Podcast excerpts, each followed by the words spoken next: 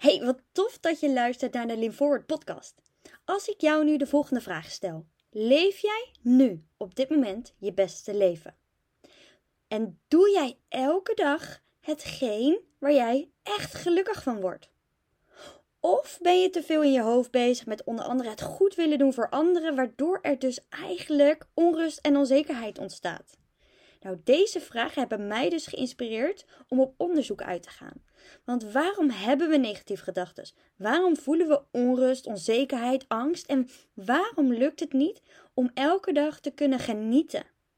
Na een bijna doodervaring kwam ik dus tot het besef dat we maar één leven hebben. En ik vroeg me dus ook af of ik mijn beste leven aan het leven was. En het antwoord was, je raadt het al, nee.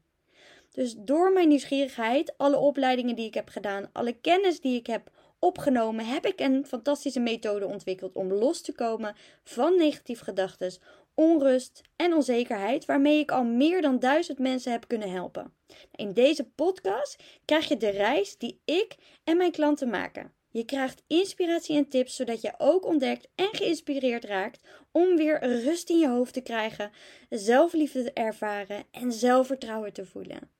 Ga lekker luisteren en je kunt me ook volgen op Instagram waar ik dagelijks ook tips en inspiratie deel. Dat is lean-forward. Als je vragen hebt, laat me het zeker ook op Instagram weten. En dan wens ik jou voor nu heel veel luisterplezier. Joe!